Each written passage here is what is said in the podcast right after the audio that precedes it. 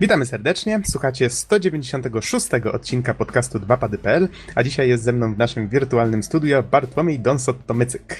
Halo, halo. A mówi Adam Noxa 15 Dębski. Nagrywamy w czwartek 9 lipca 2015. I dzisiaj będziemy mówić o... Będziemy recenzować Bloodborne w końcu po ilu to miesiącach. Ta gra wyszła chyba pod koniec marca. Zaraz sprawdzę na swojej ściągawce wikipedycznej. Tak, to był koniec marca, więc trochę czasu już minęło, ale dzisiaj to nadrobimy. Boję się, że recenzja będzie dość obszerna, ale Don, zobowiązałeś się, że będziesz mnie pilnował, więc. Tak, będę strażnikiem porządku yy, i nie pozwolę tutaj na żaden spam ani off-top, więc spokojnie, recenzja będzie pod kontrolą. Good, good, very good. A tak to oczywiście poruszymy tutaj jeszcze temat kilku newsów, które żeśmy wygrzebali z sieci. I wcześniej myślę, że możemy spokojnie zacząć od tego standardowego pytania, czyli Don, w co tam, w co tam ostatnio grałeś? No cóż, akurat w moim przypadku od jakiegoś czasu pytanie to wydaje się dosyć zbędne, dlatego że gram dosyć intensywnie w Wiedźmina. Jest to, jak pewnie słuchacze też zauważyli, jedyna gra, która w ostatnich miesiącach zdążyła mnie przykuć na więcej niż kilka godzin. A samo to sobie już coś musi mówić, zwłaszcza, że do gry podchodzę tak, że przechodzę ją właściwie na, na te 90-95%, czyli robię właściwie większość wszystkich rzeczy, które, które można. Mam już około 80-85 godzin y, nastukane i no, powoli myślę, powoli zbliżam się do tego końca. Zobaczymy jak to wyjdzie. Gram dosyć intensywnie, żeby, żeby jak, jak najszybciej to wszystko dopiąć. Natomiast y, no, recenzja na pewno będzie, będzie interesująca. Sam się zaskoczyłem kilka razy, więc, y, więc podejrzewam, że, że będzie, będzie ciekawie na recenzji. Z kolei ja Ja słucham nieraz już e, przed podcastem, po podcaście, jak opowiadasz o Wiedźminie. Sam też do niego wracam ostatnio. No przede wszystkim Batman mi wyciął tydzień z życiorysu, Wiedźmina faktycznie trochę pograłem przez ten tydzień. Starałem się nadrobić. Nawet do tego stopnia, że postanowiłem zaserwować sobie zmianę klimatu i gra umożliwia przerwanie znaczy wybieranie, czy chcemy powiedzmy pójść w jeden obszar i tam robić fabułę, czy pójść w inny obszar i tam robić fabułę. Po prostu zmieniłem ten obszar, tak? Popłynąłem na wyspę Skellige, tak dla odmiany i faktycznie bardzo mi się podoba klimat, który tam udało się twórcom zbudować. W sumie trochę tak czuć, jakby były dwie zupełnie inne gry, dwa zupełnie różne klimaty. No ale to już. Z, zupełnie inna kultura została przedstawiona. A tak, tak z ciekawości, tak. który już masz poziom? E, zwróciłem uwagę, że za każdym razem, jak chwalę się poziomem, potem wchodzę do gry i fakt pomyliłem się, tak? Więc e, myślę, że w tej chwili mam około 18. Chyba nie dobiłem jeszcze do 20, ale powiem ci, że ja nadal nie jestem pewien, jak to jest z tymi poziomami. Ja gram na najwyższym poziomie trudności i nie wiem, czy ta postać tak powoli leveluje specjalnie, czy może dlatego, że ja się skupiałem głównie na zadaniach pobocznych czasami. Bo teraz na przykład skupiłem się tylko na fabule, stwierdziłem, że trochę nadgonię i postać jak szalona w ciągu jednego wieczora dostała kilka leveli, więc to, to chyba tak, tak, tak działa Wiesz mniej więcej. Co? E, generalnie wygląda to w ten sposób, że faktycznie questy główne dają ci znacznie więcej poziom e, punktów doświadczenia, poboczny mniej, ale no ja osobiście najpierw zabierałem się za poboczne i tak wyczyściłem wszystko, tam poszukiwania, zlecenia, zadania poboczne i dopiero się brałem za fabułę. I w tym systemie gry zauważyłem, że zauważyłem, że mam teraz poziom 32 i jest tam tak około na 5-6 poziomów e, nad tym, co jest zalecane do, do aktualnych poziomów fabularnych, do aktualnych zadań fabularnych, które robię. Więc, więc widzę jednak, że, że robienie tych e, wszystkich pobocznych zadań i innych aktywności po prostu się w pewnym sensie opłaciło.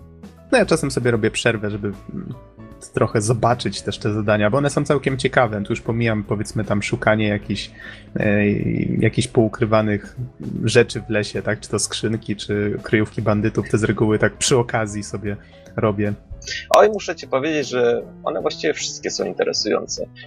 Bardzo często to są takie trochę bardziej złożone narracje, chociaż dalej proste w porównaniu do tego, co jest główną intrygą, ale wciąż to są takie bardzo sprytnie, dobrze napisane opowiastki, takie często bardzo króciutkie. A innym razem, kiedy właśnie mówisz o poszukiwaniach, to są zazwyczaj jakieś znalezione notatki czy inne rzeczy, one też bardzo często składają się w jakieś krótkie narracje czy historie, więc no właśnie ja doszedłem do wniosku, że chciałbym jak najwięcej zobaczyć z tego świata i widzę, że nie myliłem się, bo jednak mimo wszystko warto.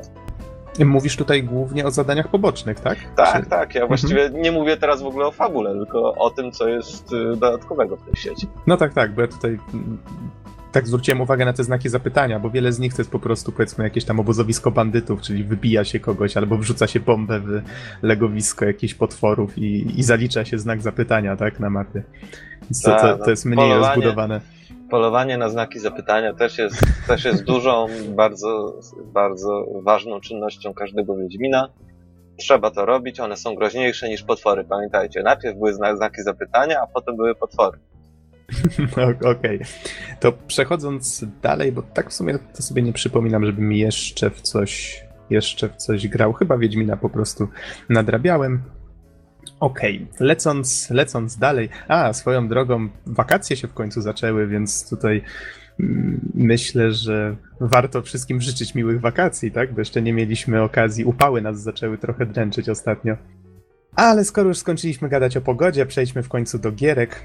I co my tutaj mamy w, w newsach, które udało nam się wygrzebać? Ostatnio mówiliśmy o, o, Batman Arkham Knight. Wspominaliśmy o tym, jaka drama się zrobiła w sieci, związana z tym, jaka, jaka wersja PC jest niedopracowana.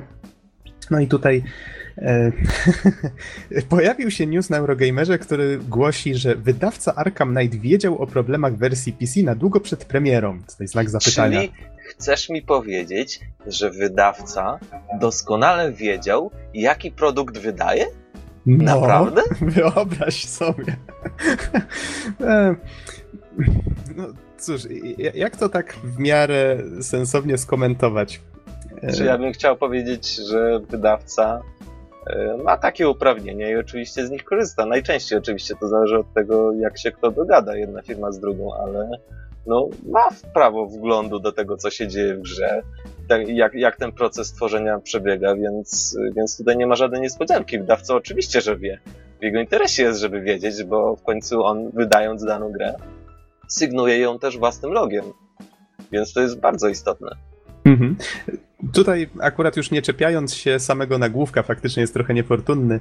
W samym newsie jest sama treść newsa opiera się na tym, że dotarto do informacji od prawdopodobnie anonimowych testerów, tak, nie chcących się chwalić, kim dokładnie są, którzy wspominali o tym, że Warner Bros. już od dawna wiedziało, w jakim stanie jest ta wersja PC-towa i celowo przesunięto, ze względu na to, że Rocksteady miało problemy z wersjami konsolowymi, a jak wiemy na PC jeszcze można dorzucić coś więcej do tego PC-ta i trochę zatrzeć te braki, no to na konsolach bardzo by się to odbiło, więc dali 90%, co tutaj jest podane, akurat liczby są dokładne, 90 ze 100 pracowników z testerów oni mieli się skupić tylko na wersjach konsolowych, z kolei te 10 osób pozostałych miało się skupiać na wersji PC. Oni oczywiście doskonale wiedzieli, jak ona jest niedopracowana, tylko nie, nie było siły przerobowej, żeby tą wersję PC dopracować. I no cóż, wniosek z tego jest po prostu taki, że Warner Bros. mogło powiedzieć, że nie, nie wydajemy tej wersji PC tak wcześnie, bo ona nie jest jeszcze gotowa. Stwierdzili, że podejmą to ryzyko, no i to ryzyko im się teraz bardzo brzydko odbije. Więc to jest właściwie, właściwie taki wniosek z tego można wyciągnąć. Czy wiesz, ja jeszcze chciałem tylko dodać, że ta moc przerobowa, o której wspomniałeś, ona też jednak duża jej część e, spoczywa na deweloperze. Testerzy są tylko wspomaganiem całego procesu tworzenia. Oni tylko mogą wskazać na pewne zjawiska czy, e, czy niedziałające elementy, natomiast to, co robi z nimi deweloper, to już jest inna sprawa. Testerzy mogą na przykład bardzo dobrze pracować, a deweloper może się po prostu obijać.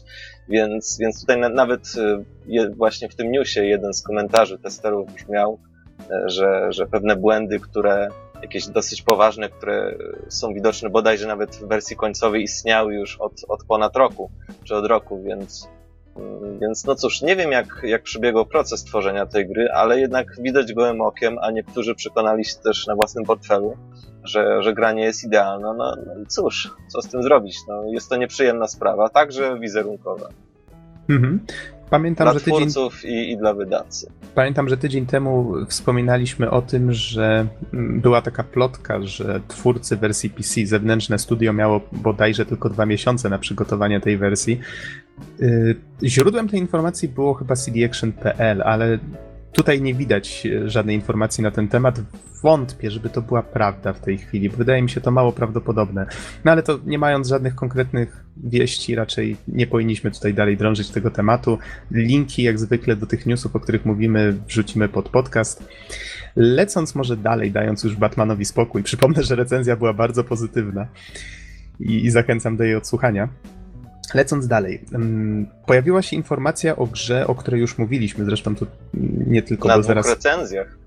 Więc jednak trochę poświęciliśmy jej czasu, a mowa oczywiście o poszukiwaniu Etana Cartera, właściwie o zaginięciu Etana Cartera, który pojawi się na PlayStation 4 już w przyszłym tygodniu. To będzie bodajże 15 lipca. I Mhm. Będzie kosztowała, dostępny już przed sprzedaży jest ten projekt, produkt i kosztuje 71 zł i 10 groszy. Tak, a na PS4 dzień wcześniej trafi gra, którą też już żeśmy recenzowali, nazywała się The Fall, e, bodajże zaraz przed E3, więc bardzo możliwe, że pominęliście ten odcinek, bo wrzuciliśmy go no, chyba w dniu, kiedy zaczynały się konferencje. Bardzo możliwe, że część z naszych słuchaczy przez to pominęła go, ale myślę, że warto się tym tytułem zainteresować. Nie będę może tutaj powtarzał, e, powtarzał wniosków z recenzji, ale jeżeli nie mieliście okazji zagrać w wersję PC-ową, to może warto się zainteresować właśnie wersją na PS4, która wychodzi 14 lipca. Kolejny news. Tutaj bardziej liczyłem na to, że surfera uda to się dzisiaj ściągnąć. Niestety, mm, niestety troszeczkę plany nam się zmieniły tuż przed nagrywaniem. Mianowicie jest to news o Horizon Zero Dawn, czyli o, o grze, którą żeśmy się zachwycali, tak, podsumowując E3 y, z konferencji Sony. Przypomnę, że tutaj była gra o tym postapokaliptycznym świecie. Już wiemy. Właściwie z- to post-post apokaliptyczny. tak, już natura odzyskała, odzyskała ziemię, gdzieś tam widać jakieś resztki wieżowców, inne tego typu rzeczy. Ludzie znowu zbierają się w, w plemiona i polują, tylko że, no właśnie, zamiast zwierząt jako takich są różne dziwne maszyny, czy właściwie robodinozaury. No jest to dość ciekawa wizja, a przynajmniej została bardzo fajnie zrealizowana. I w tym newsie y, można z niego się dowiedzieć, że akcja dzieje się tysiąc lat po upadku ludzkości, czy właściwie cywilizacji. E, Z kolei jest tu też fajna informacja o tym, że ma być pełen system wspinania się, przemieszczania w jakiś taki e, fajny, płynny sposób. Świat ma być otwarty, to już wiadomo na pewno. I ponoć jeden z twórców podczas wywiadu był naciskany, czy będzie można wspinać się po samych stworach. Nie chciał tego komentować, więc bardzo możliwe, że gra też będzie miała jakąś fajną mechanikę wspinania się po stworzeniach. To by było bardzo, bardzo fajne. Ja czekam właśnie na to, aż to się stanie bardziej powszechne w grach, bo jak ktoś tylko grał w Shadow of the Colossus, to myślę, że zrozumie o co mi chodzi. Brakuje trochę w grach takiej interakcji postaci z, z przeciwnikami, czy, czy w ogóle ze stworzeniami, tak, z ruchomymi obiektami w świecie. Powiedziałbym też, że, że brakuje też interakcji z otoczeniem jako takim. I, I tutaj muszę jednak przytoczyć, wybaczcie, muszę przytoczyć e, Dying Light, w którym zostało to zrobione fantastycznie. Natomiast e, Horizon e, Zero Dawn oczywiście zapowiada się całkiem fajnie, aczkolwiek trochę nie rozumiem, e, nie rozumiem tego entuzjazmu, e, kiedy zostało wspomniane, że gra będzie z otwartym światem i bez ekranu ładowania. No, wydaje mi się, że jednak mimo wszystko jest to pewien standard. Że jest to dobra wiadomość, ale nie wiem, nie, nie jest to jakaś wiadomość szokująca. Natomiast e, system wspinania się, e, no też jest takim dobrym dodatkiem do tego otwartego świata. Mam nadzieję, że zostanie dobrze wykorzystany. Mhm. No tutaj mój entuzjazm jest skierowany przede wszystkim do wizji artystycznej. Ta, ta mi się szczególnie podoba. A jeżeli chodzi o to spinanie się, ja tutaj po cichu liczę, że to będzie trochę taki mm, Tomb Raider nowy, czy Uncharted właśnie, tylko że z otwartym, z otwartym światem. W sumie Tomb Raider ten nowy miał w pewnym sensie otwarty świat, nie tak na upartego. Ale przechodząc dalej.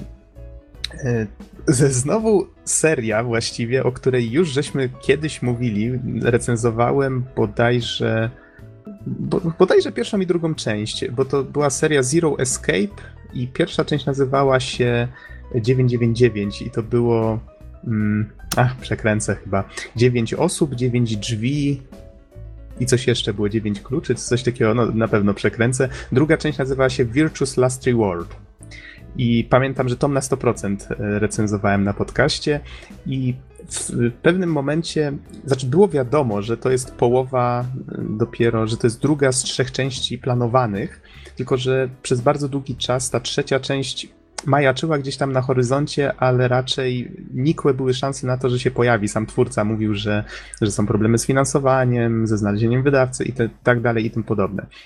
E, od paru miesięcy pojawiła się znowu nadzieja na to, że coś w tym temacie ruszy. Pojawił się w internecie licznik, który nie wiadomo było, czy do końca był z tą serią związany, ale fani oczywiście zaczęli, zaczęli go obserwować i bacznie się przyglądać, co się tam dzieje i, i coraz więcej wskazówek wskazywało na to, że to jednak ma coś z tą serią Zero Escape wspólnego. No i ostatecznie sam licznik był zresztą nietypowy, bo to nie było tak, że tam on odliczał dokładnie ile czasu, tylko na przykład jedna cyfra się zmieniała co każdy piątek, druga jeszcze tam w innych okolicznościach, więc w sumie to była taka ciekawa zagadka też dla ludzi. No i w końcu fani doszli do tego, kiedy ma zostać coś ogłoszone, no i okazało się, że to właśnie jest Zero Escape 3, ma wyjść na PS Vita i na 3DS-a, czyli tutaj niespodzianek nie ma, tak samo było z Virtuous Last Reward. No i przypomnę, że to jest coś w rodzaju takiego połączenia mm, visual novel z, z przygodówką gdzie grupa osób próbuje się wydostać e, z, z, jakiegoś kompleksu, gdzie jakiś szaleniec prowadzi mm, taką zabójczą grę, tak, gdzie ludzie zaczynają ginąć i my musimy mm, wyjść z tego cało całkiem fajna rzecz. Jeżeli ktoś, jeżeli kogoś interesują właśnie tego typu klimaty, to, to myślę, że powinien, powinien zbadać tę serię. No i fajnie, że zobaczymy część trzecią, że jednak historia zostanie domknięta. To, to jest akurat fajna informacja. Co my tutaj mamy dalej? Może wspomnijmy o jednym projekcie, Don, który znalazłeś. Ja nie zdążyłem się z nim zapoznać, ale widzę, że, że jest to coś bardzo zielonego i związanego z przyrodą. Nazywa się Eko. Co to takiego? Tak, jako że ja jestem, jestem miłośnikiem wszelkiego rodzaju symulacji i innych projektów eksperymentalnych, które od czasu do czasu znajduję i nawet, nawet pokazuję na dwóch padach, właśnie znalazłem ostatnio coś takiego jak Echo. I no cóż, na pierwszy rzut oka gra wygląda jak dziesiątki innych, czyli naśladuje styl Minecrafta, ale nie, nie dajmy się zwieść pozorom, gdyż ta gra idzie o krok dalej. Otóż wyobraźmy sobie Minecrafta, no, na razie posłuszmy się tym takim uproszczonym modelem, w którym wszystkie zasoby są skończone. I wyobraźmy sobie Minecrafta, w którym zwierzęta różnego rodzaju, sarny, e, wilki, czy nawet zajączki, czy inne tego typu jakieś drob, drob, drobnostki, e, nie są takimi zwyczajnymi ozdobami, ale one faktycznie prowadzą swoje pełne życie od narodzin przez dorastanie, e, żywienie się, polowanie, aż po śmierć. No i oczywiście też rozmnażanie. Aż po skończenie na naszym ruszcie. Też. I właśnie Echo jest grą, w której dosłownie mamy do czynienia z taką symulacją świata, w którym oczywiście zasoby są skończone i w którym panuje taka pewna równowaga, czyli na przykład łańcuch pokarmowy. Wszystkie te istoty, rośliny, różnego rodzaju, w jaki sposób ze, sobą, ze sobą przeprowadzają interakcje, a także żyją na swój sposób, tak? I mamy tutaj właśnie do czynienia z takim żywym ekosystemem, a raczej jego symulacją. I tutaj e, jest ciekawa rzecz, bo pojawia się gracz. No, gracz zresztą nie jeden, bo gra będzie multiplayerowa. I całość będzie polegać na tym, że oczywiście jako gracze, jako ludzie, będziemy chcieli prowadzić swoją taką swoistą ekspansję, prawda? Na przykład zabijać dzikie zwierzęta, e, żeby pozyskać e, żywność, wycinać drzewa, żeby przecież budować swoje domostwa, gospodarstwa, zamki itd., tak itd., tak czy choćby wydobywać skały, ale będzie się to wiązało e, z wykorzystywaniem zasobów naturalnych, które są przecież skończone. Całe drewno kiedyś się skończy, prawda? Teoretycznie na Ziemi nie doczekamy tego tak szybko, ale jest to możliwe. Więc, więc tutaj gra będzie oferować graczowi taki swoisty, swoiste wyszukanie balansu między tym, na jakim poziomie jeszcze dobrze jest wykorzystywać na przykład dane surowce, a na jakim poziomie są one już zagrożone i mogą się wyczerpać. I do tego będzie można wykorzystywać między innymi takie, z tego co widzę, będzie można e, spoglądać na takie wykresy, które, które będą pokazywać nam na przykład populację wilków, E, populację innych roślin i jak one maleją, jak rosną i tak dalej, i tak dalej. Czyli innymi słowy, będziemy mieli taką symulację, która oczywiście po zamknięciu przez gracza dalej będzie biegła dalej. E, I innymi słowy, gracze będą musieli znaleźć tę swoistą równowagę, żeby po pierwsze nie doprowadzić swojego świata do katastrofy, ale z drugiej strony, e, z drugiej strony też, żeby jakby odebrać naturze co swoje. Mówiąc krótko, jest to bardzo interesujący projekt dlatego że, no tak jak to wynika, jest to taka mała symulacja małego świata, zresztą jak małego czy jak dużego jeszcze się przekonamy. I, i daje możliwość graczowi w taki, no, wcielenie się dosłownie w człowieka, który, który zagospodarowuje pewien, pewien świat i musi się liczyć z pewnymi konsekwencjami swoich decyzji. No, w Minecrafcie mogliśmy wszystko wydobywać i zabijać dookoła, nic się nie działo. Tutaj może się okazać, że jakaś populacja zacznie ginąć i to będzie mogło mieć jakieś konsekwencje. Mhm. A tak patrzę na, na tą stronę tego projektu i czy dobrze widzę, że mapa świata będzie kulą, że to będzie glob? Tego akurat nie jestem pewien. Czy nie jest to po prostu taki zabieg do traileru? Aha. Natomiast fajnie byłoby Chyba tak, chyba jednak tak. tak. Oglądam jeszcze ten materiał i wygląda na to, że właśnie e, świat będzie takim nieco większym globem. Chyba, że jest to po prostu, jak mówię, e, taki materiał do pokazania na trailerze. Więc, więc będziemy mieli taki świat, którego statystyki i właściwości będziemy mogli na bieżąco obserwować. No i mhm. będzie pojawiała się decyzja, na ile możemy go eksploatować, a na ile będzie to powodowało już katastrofę. Pomysł brzmi bardzo fajnie.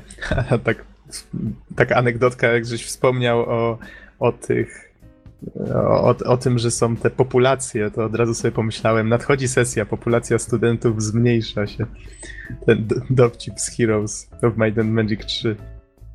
Okej, okay, wrzucimy linka do strony tego, tego projektu pod podcast. Mogę przeczytać. I oczywiście mogę jeszcze dodać, że autorem mhm. jest e, Strange Loop Games. Tak, ich e, strona to strangeloopgames.com, to właśnie to chciałem teraz powiedzieć. I projekt oczywiście na razie jeszcze nie jest gotowy. Wygląda na to, że na razie jest w fazie tworzenia, natomiast wydaje mi się, że jest to coś, coś bardzo interesującego i nowego bardzo chętnie kiedyś tę grę wypróbuję albo chociaż zobaczę. Mhm. A propos tworzenia.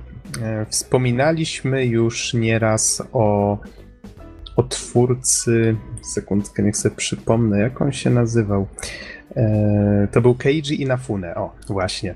Czyli twórcy Megamena, który Zbierał już pieniądze na Mighty Number no. 9, grę, która w sumie niedługo ma wyjść, bodajże we wrześniu, jeżeli mnie pamięć nie myli, ale nie mam tutaj żadnej ściągawki na ten temat.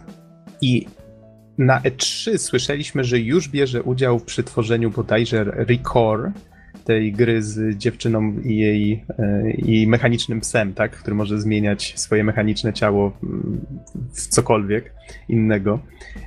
Więc widać, że on się kręci tak ciągle w tych klimatach robotów przeróżnych. E, sęk w tym, że on zaczyna kolejny projekt w tej chwili. Na, jeszcze nie wydali tego Mighty Number no. 9. Oni już na Kickstarterze zaczęli kolejną rzecz finansować. Nazywa się to Red Ash The Indelible Legend. I, I jakby tego było mało, to jest gra, to jest koncept gry właściwie, bo wszystko, co jest pokazane, to nawet nie jest jakiś prototyp gameplayu, to są po prostu, mm, powiedzmy, e, to, to jest na przykład filmik zrobiony na podstawie storyboardów albo, nie, nie, pamiętam dokładnie jak się, jak się nazywała taka mm, robocza animacja, e, albo... No mówiąc krótko, tak, krótko takie prototypy filmików. Tak, tak, coś takiego, powiedzmy koncepty, postaci. I jeszcze do tego się okazało, że w tym samym czasie inne studio robi na podstawie tych pomysłów e, animację. I oni zbierają na nią na osobnej akcji osobne pieniądze. Pomysł jest trochę karkołomny, powiedziałbym. I ja jeszcze dodałbym, że właściwie cały pomysł, pomysł polega na tym, żeby zrobić e, taki pełnoprawny pełnoprawny, otwarty świat w stylu anime, w stylu mangi, e, w postaci e, action RPG. I tak, to jest dopiero teraz to brzmi karkołomnie. tak, tak, teraz brzmi to jeszcze bardziej karkołomnie. Gdzie to właściwie powinniśmy zacząć tłumaczyć, żeby to jakoś obronić, tak? No, twórcy twórcy sami mają chyba problem z bronieniem tego pomysłu, bo widać, że ludzie nie łyknęli tego tak, tak chętnie. 24 e, dni do końca akcji zostały. Uzbierano, no ponad 4000 osób wpłaciło już pieniądze, całkiem sporo. E, zebrano 341 tysięcy dolarów, z czego 800 tysięcy jest wymaganych, żeby w ogóle zacząć ten projekt. E, I mówimy tutaj o samej grze, bo na chwileczkę już patrzę na stronę animacji. Na stronie animacji jej potrzeba do szczęścia 150 tysięcy dolarów, zebrano 74 tysiące. Ponad 1000 osób już wpłaciło. Tutaj też 24 dni do końca. I i jest kilka problemów z tą akcją. Mam wrażenie, że ona budzi odrobinę kontrowersję. No, z kilku powodów. Po pierwsze, dlatego, że Keiji Inafune teoretycznie nadal nie wydał tej gry, na którą na początek zbierał pieniądze, tak? Niektórzy krytykują, że jest takim Timem Schaferem w tej chwili e, japońskiego game devu, czyli że tak się zakochał w tym Kickstarterze, że teraz będzie mm, tak ciągnął tą kasę i te produkty będą wychodzić tak półgotowe. Co prawda ciężko mi to skomentować, bo nie grałem w, w, w te gry, które on w tej chwili finansował. E, ani w Broken Age, od którego to się wszystko zaczęło. Mm, niemniej wyobrażam sobie, że Keiji Inafune już skończył swoją pracę nad Mighty Number no. 9. Prawdopodobnie w tej chwili już są dokonywane jakieś tam szlify przedpremierowe, miejmy nadzieję. To nie jest chyba aż tak skomplikowana gra. Pewnie więcej problemów twórcy mają z, z wersjami na te wszystkie platformy. No i poza tym, poza tym jest tu też kwestia tego, jak wcześnie opłaca się wrzucić coś na Kickstartera. No bo wiadomo, Keiji Inafune jak wyskoczył z pomysłem, słuchajcie, odszedłem z Capcomu, robimy duchowego następcę Megamena. No to wszyscy się rzucili, obsypali go pieniędzmi, bo, no bo fani wiedzieli, co, co on stworzy, tak? Czego oczekiwać. W tej chwili nie za bardzo wiadomo, co to będzie. Nie wiadomo za bardzo nawet, jak w to grać, jak się będzie w to grało. Pojawia się tutaj tylko e, tytuł Mega Man Legends w opisie że to może trochę wyglądać jak, jak ta część. Ja przyznam szczerze, w tę podserie nie grałem. Tutaj z opisu wynika, że ona miała otwarty świat, więc tutaj, tak jak Don wspomniałeś, to będzie coś, coś w tym stylu. I no właśnie, tutaj jest to pytanie, jak bardzo ludzie są chętni na finansowanie pomysłów, które no, do ich realizacji brakuje jeszcze bardzo, bardzo dużo pracy. To jest właściwie taka preprodukcja w tym momencie. I, no i tutaj kolejna rzecz, czyli ta, ta kwestia z tym anime, coś co może wypalić, może nie wypalić, czyli twórcy mówią, że mamy jakieś podstawy, mamy bohaterów i mamy pomysł, że oni szukają skarbów w świecie, który jest po jakiejś wielkiej wojnie z robotami, wszystko jest zrujnowane i są, są osoby, które się e, zapuszczają w ten zrujnowany świat, żeby znajdować jakieś wartościowe rzeczy w zgliszczach miast i tym podobnych miejsc. E, no, pomysł jest fajny i wymyślili sobie, że twórcy anime i twórcy gry, oni mogą sobie pracować niezależnie, mają pełną swobodę twórczą, wiedzą tylko jacy są bohaterowie i e, jaki jest zamysł mm, tego, tego świata, czyli no na przykład, że całość przygody ma się opierać na szukaniu tych skarbów. I resztę mogą robić z tym, co chcą uzasadnili to twórcy tym, że można po prostu założyć, że to są tak jakby równoległe wszechświaty, ale dzięki temu każda z tych grup ma własną swobodę twórczą, nie ograniczają się w żaden konkretny sposób.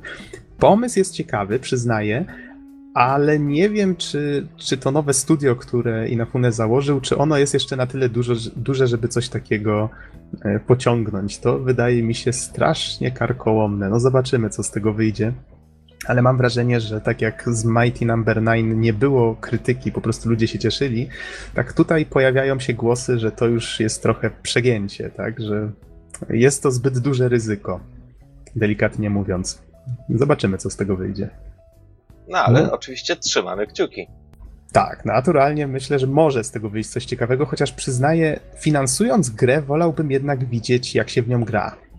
Nawet jeżeli twórcą jest ktoś znany, to ja bym wolał jednak zobaczyć chociaż jak to może wyglądać. No z Megamanem nie było tego problemu, bo jak wyglądał Megaman każdy, każdy mniej więcej sobie wyobrażał albo wiedział.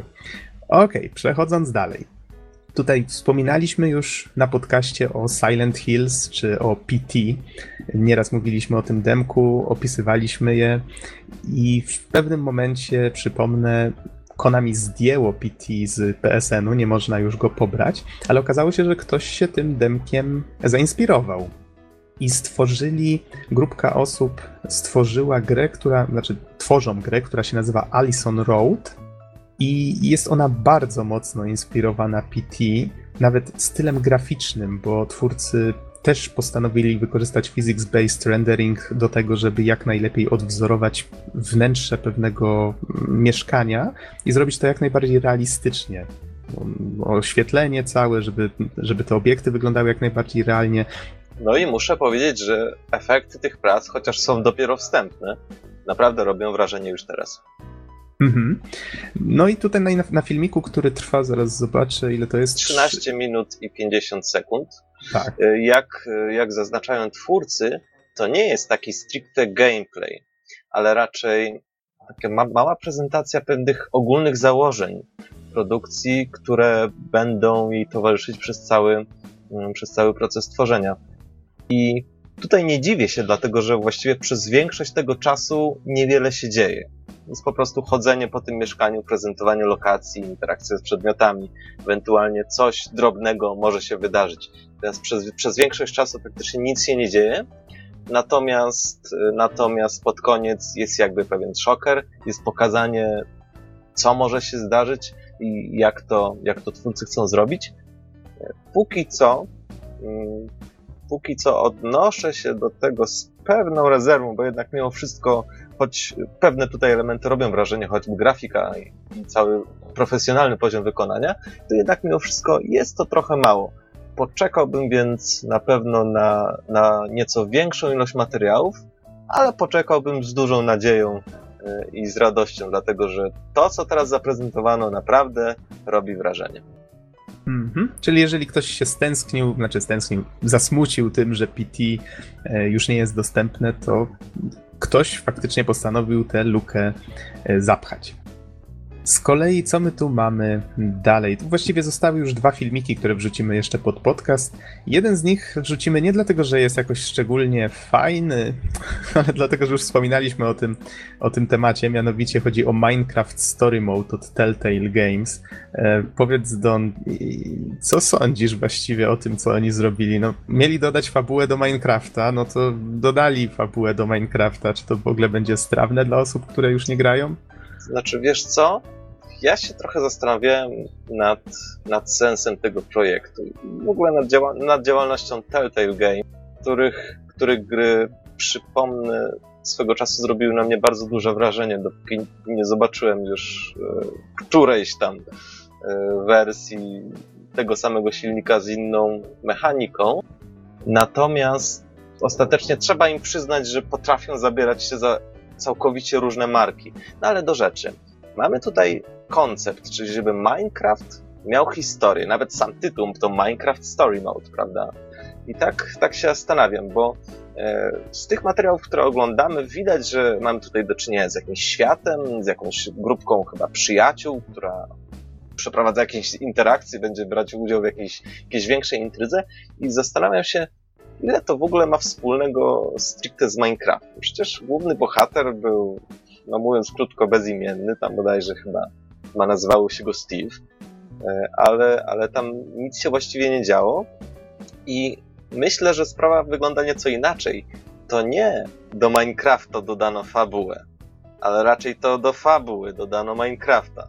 I, Ciekawa i raczej, i, i, i zastanawia mnie jedna rzecz, skoro właściwie to, co to, co y, mają twórcy przedstawić, w ogóle postaci, których nigdy w życiu nie widzieliśmy, nie widzieliśmy w żadnym Minecrafcie i, i jakby lokacje, których też nigdy w życiu nie widzieliśmy w Minecrafcie, zostały po prostu tu stworzone i, i właściwie cała rzecz chyba ma tylko wspólnego z Minecraftem to, że pojawiają się tu ludzie przeciwnicy i przedmioty, to czy sam koncept umieszczenia tej historii w świecie Minecrafta, czy on nie jest ograniczający?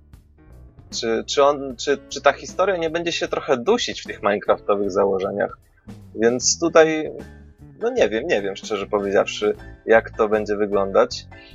Pewnie kiedyś rzucę okiem na to, natomiast póki co nie, niezbyt mnie to, szczerze powiedziawszy, e, zainteresowało, chociaż trzeba jednak przyznać, że mają chłopaki odwagę, e, jeśli poruszy, jeśli porwali się na coś takiego, a przecież wiemy, że Telltale Games już naprawdę z kilku fajnych, fajnych, całkowicie różnorodnych gier, e, z całkowicie różnorodnych marek zrobili naprawdę dobre gry.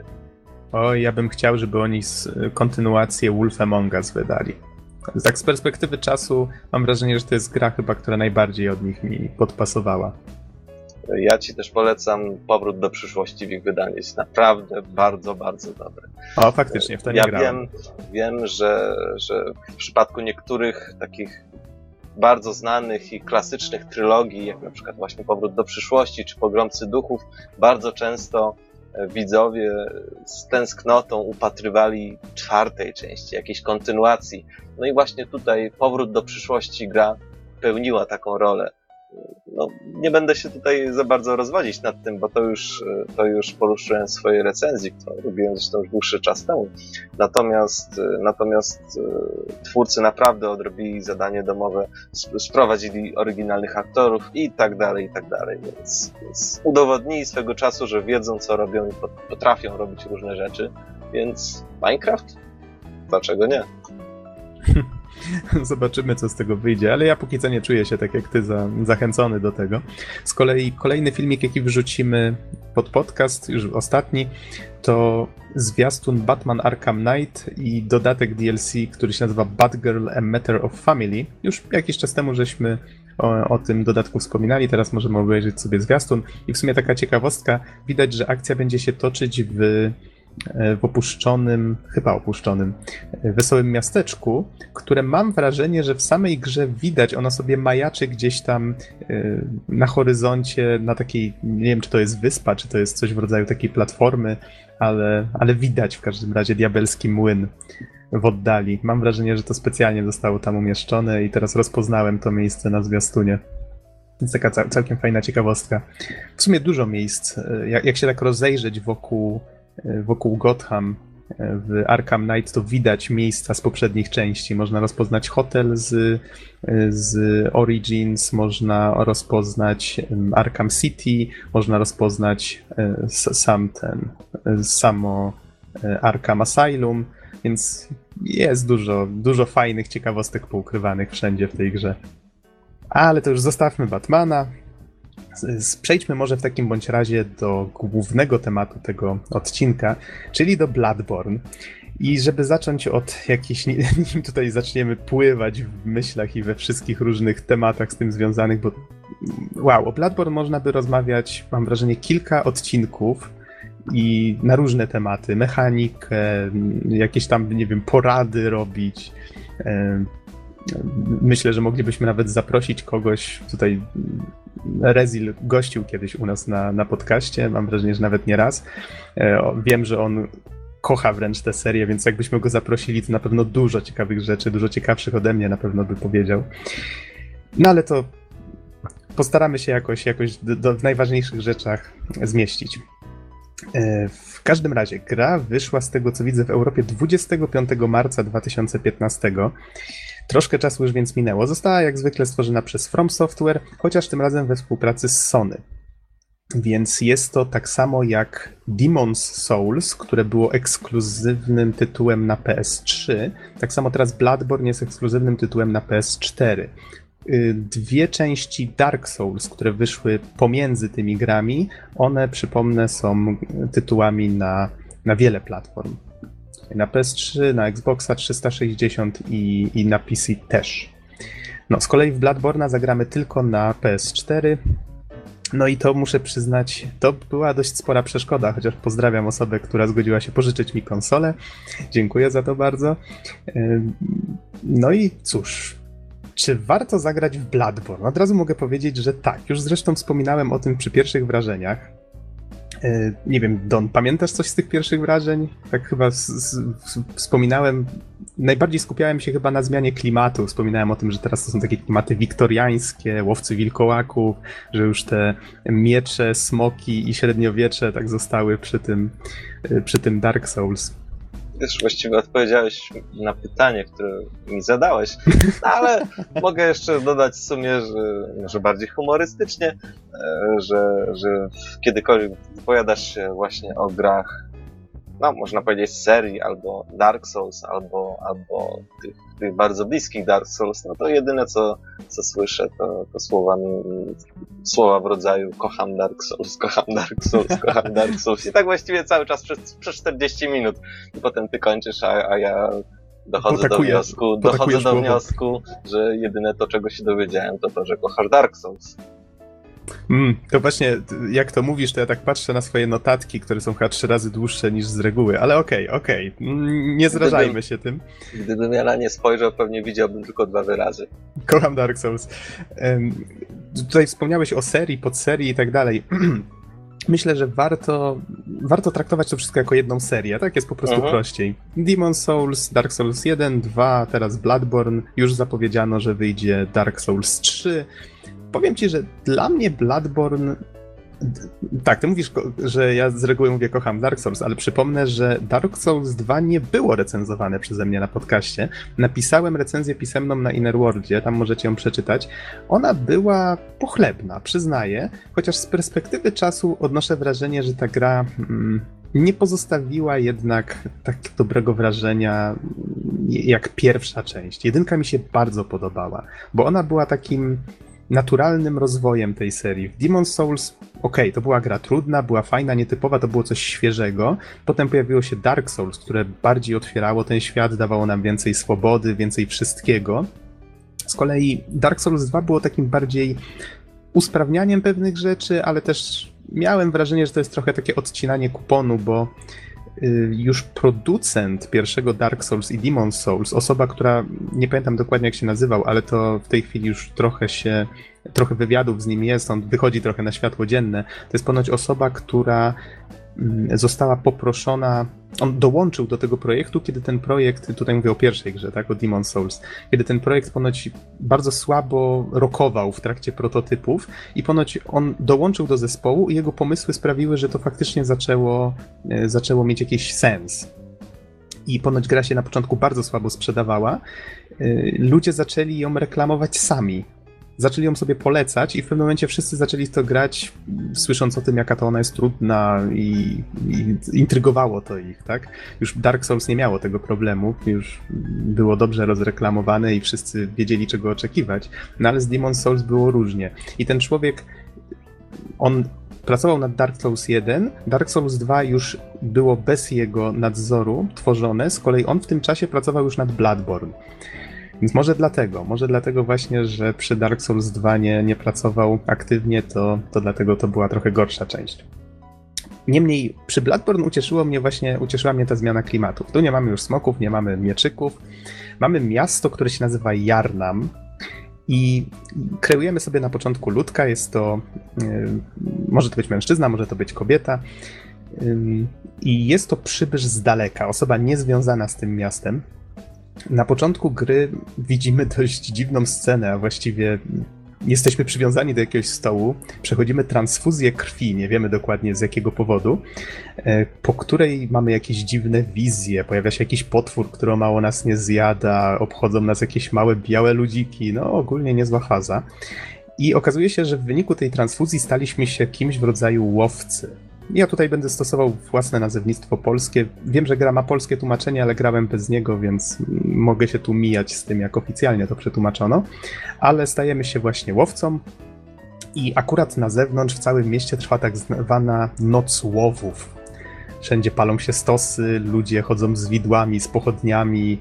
No, jest to taki dość dość niepewny okres, kiedy wychodzenie na ulicę raczej może się różnie skończyć. Zwłaszcza, że ci ludzie atakują też samego łowcę, co jest, co jest ciekawe. Cały świat jakby oszalał, ma się takie wrażenie. I bardzo fajnie też zrobiono tak, że wraz z postępami w grze nadciąga noc, czyli najpierw jest tak w miarę jasno, mamy jeszcze zachodzące słońce gdzieś tam w oddali, z czasem pojawia się księżyc, dzieją się różne dziwne rzeczy, świat troszeczkę się zmienia. To jest bardzo fajne.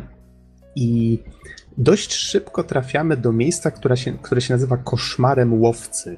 Już wspominałem o nim przy pierwszych wrażeniach. Jest to taki odpowiednik Nexusa z Demon Souls. Z, zawsze w każdej części ty, tej serii musi być takie miejsce spokojne, do którego możemy wrócić. I w tym przypadku jest to właśnie koszmar łowcy. Nazwa nie jest zbyt zachęcająca, ale jest to najspokojniejsze miejsce w grze. E, po całym świecie są rozsiane lampy. Tak jak w Dark Souls były ogniska, tak tutaj są, mm, są lampy. Jeżeli dotkniemy takiej lampy, zostaniemy właśnie do tego koszmaru przeniesieni. Sam koszmar natomiast to jest taki ogródek, na środku którego stoi kościółek, coś, coś w tym rodzaju. W tym kościółku są różne sprzęty, które nam umożliwiają ulepszać ekwipunek, e, są teleporty w postaci nagrobków, e, dzięki którym możemy się dostać do miejsc, w których już byliśmy, e, możemy powiedzmy kupować sprzęt, możemy levelować, to umożliwiają nam postacie, które tam poznajemy.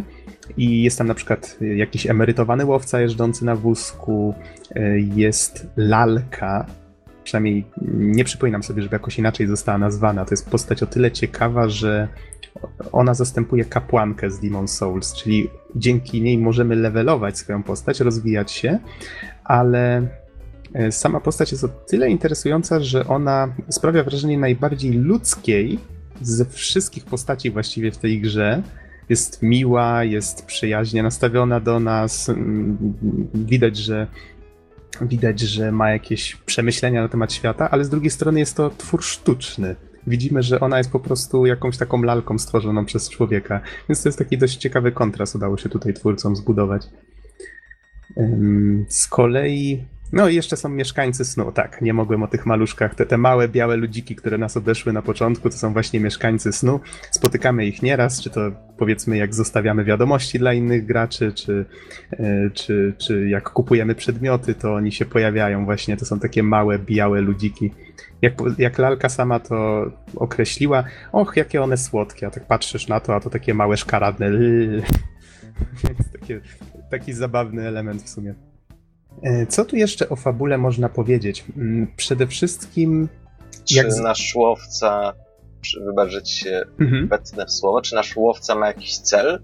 Ma jakąś może poszlakę, za którą podąża y, jakieś motywacje na przykład? No, oprócz tego, że ma chyba rządzę krwi, bo jest łowcą, tak? To jest bardzo ciekawe pytanie i w sumie mam wrażenie, że zawsze jak mówię o Dark Souls czy, czy innych częściach tej serii, to wspominam o tym, że fabuła nie jest nam tu podawana wprost. Co prawda jest tu przynajmniej jedna, pamiętam, cutscenka fabularna, więc to jest, to, to, jest już krok do przodu, tak? Z reguły nie ma chyba prawie wcale cutscenek, chyba że przed bossami w tej serii. Niemniej, niemniej jakiś cel, czy czy, czy to, coś, o co chodzi w świecie, to wszystko gracz musi odkrywać sam. I nawet, nawet taki cel podany wprost graczowi, co my właściwie mamy w tej grze zrobić, jest ukryty w tym kościółku, w samym rogu widzimy wiadomość. Tak jak my możemy innym graczom zostawiać wiadomości, tak gra też czasem zostawia nam wiadomości i w rogu widzimy właśnie taki, e, nie, pamiętam dokładnie co to było, takie kałuże takiego jakby, jakby rtęci, czy coś takiego srebrnego. Jeżeli do tego podejdziemy, to nagle gra nas informuje, że, y, że znalezienie źródła potworów jest jedyną szansą na to, żeby zakończyć noc, czyli że ta noc, noc łowów, która teraz trwa, ona będzie trwała wiecznie, dopóki my nie znajdziemy tego źródła i wtedy świat się przebudzi na nowo, coś, coś w tym rodzaju. Więc jest to dość, e, dość tajemnicze, ale jednocześnie doskonale do tej gry pasuje. I my zwiedzając ten świat dowiadujemy się, e, poznajemy jakieś, jakieś różne organizacje, różne grupy, e, to, jakie są ich cele, czasami też w pewnym momencie. Innymi słowy, musimy łączyć pewne fakty, patrzeć na opisy przedmiotów, słuchać NPC-ów, których spotykamy i to wszystko tak się łączy troszeczkę w całość, chociaż muszę przyznać, że ja po przejściu gry sam mam trochę jeszcze mętlik w głowie i prawdopodobnie albo powinienem przejść ją jeszcze raz, albo poczytać właśnie w sieci jakieś spekulacje graczy i sobie poukładać tą fabułę, ale mam wrażenie, że po przejściu pierwszego Dark Souls też się tak czułem. To, to jest właśnie coś takiego. To jest taka gra, która jak ją przejdziesz, to stwierdzasz, że wow, to było fajne, ale hmm, o co tam właściwie chodziło, co nie? I tak zaczynasz łączyć pucelki. Zaczynasz, zaczynasz zastanawiać się, w czym właściwie uczestniczyłeś. Trochę tak, trochę tak. To jest właśnie ta seria i nic nie jest tu podawane na tacy. Jednym się to spodoba, innym nie. Więc to, to jest taka specyfika, specyfika tej, tej serii właśnie. E, okay. co ja sobie tutaj dalej zanotowałem? Przede wszystkim, że nadal spotykamy e, różne dziwne postacie. Tu już pomijając sam koszmar łowcy, tak? Powiedzmy, że przenosimy się do tego realnego świata, pełnego potworów, tam też spotykamy ludzi. I no nie tylko ludzi, ale NPC-ów.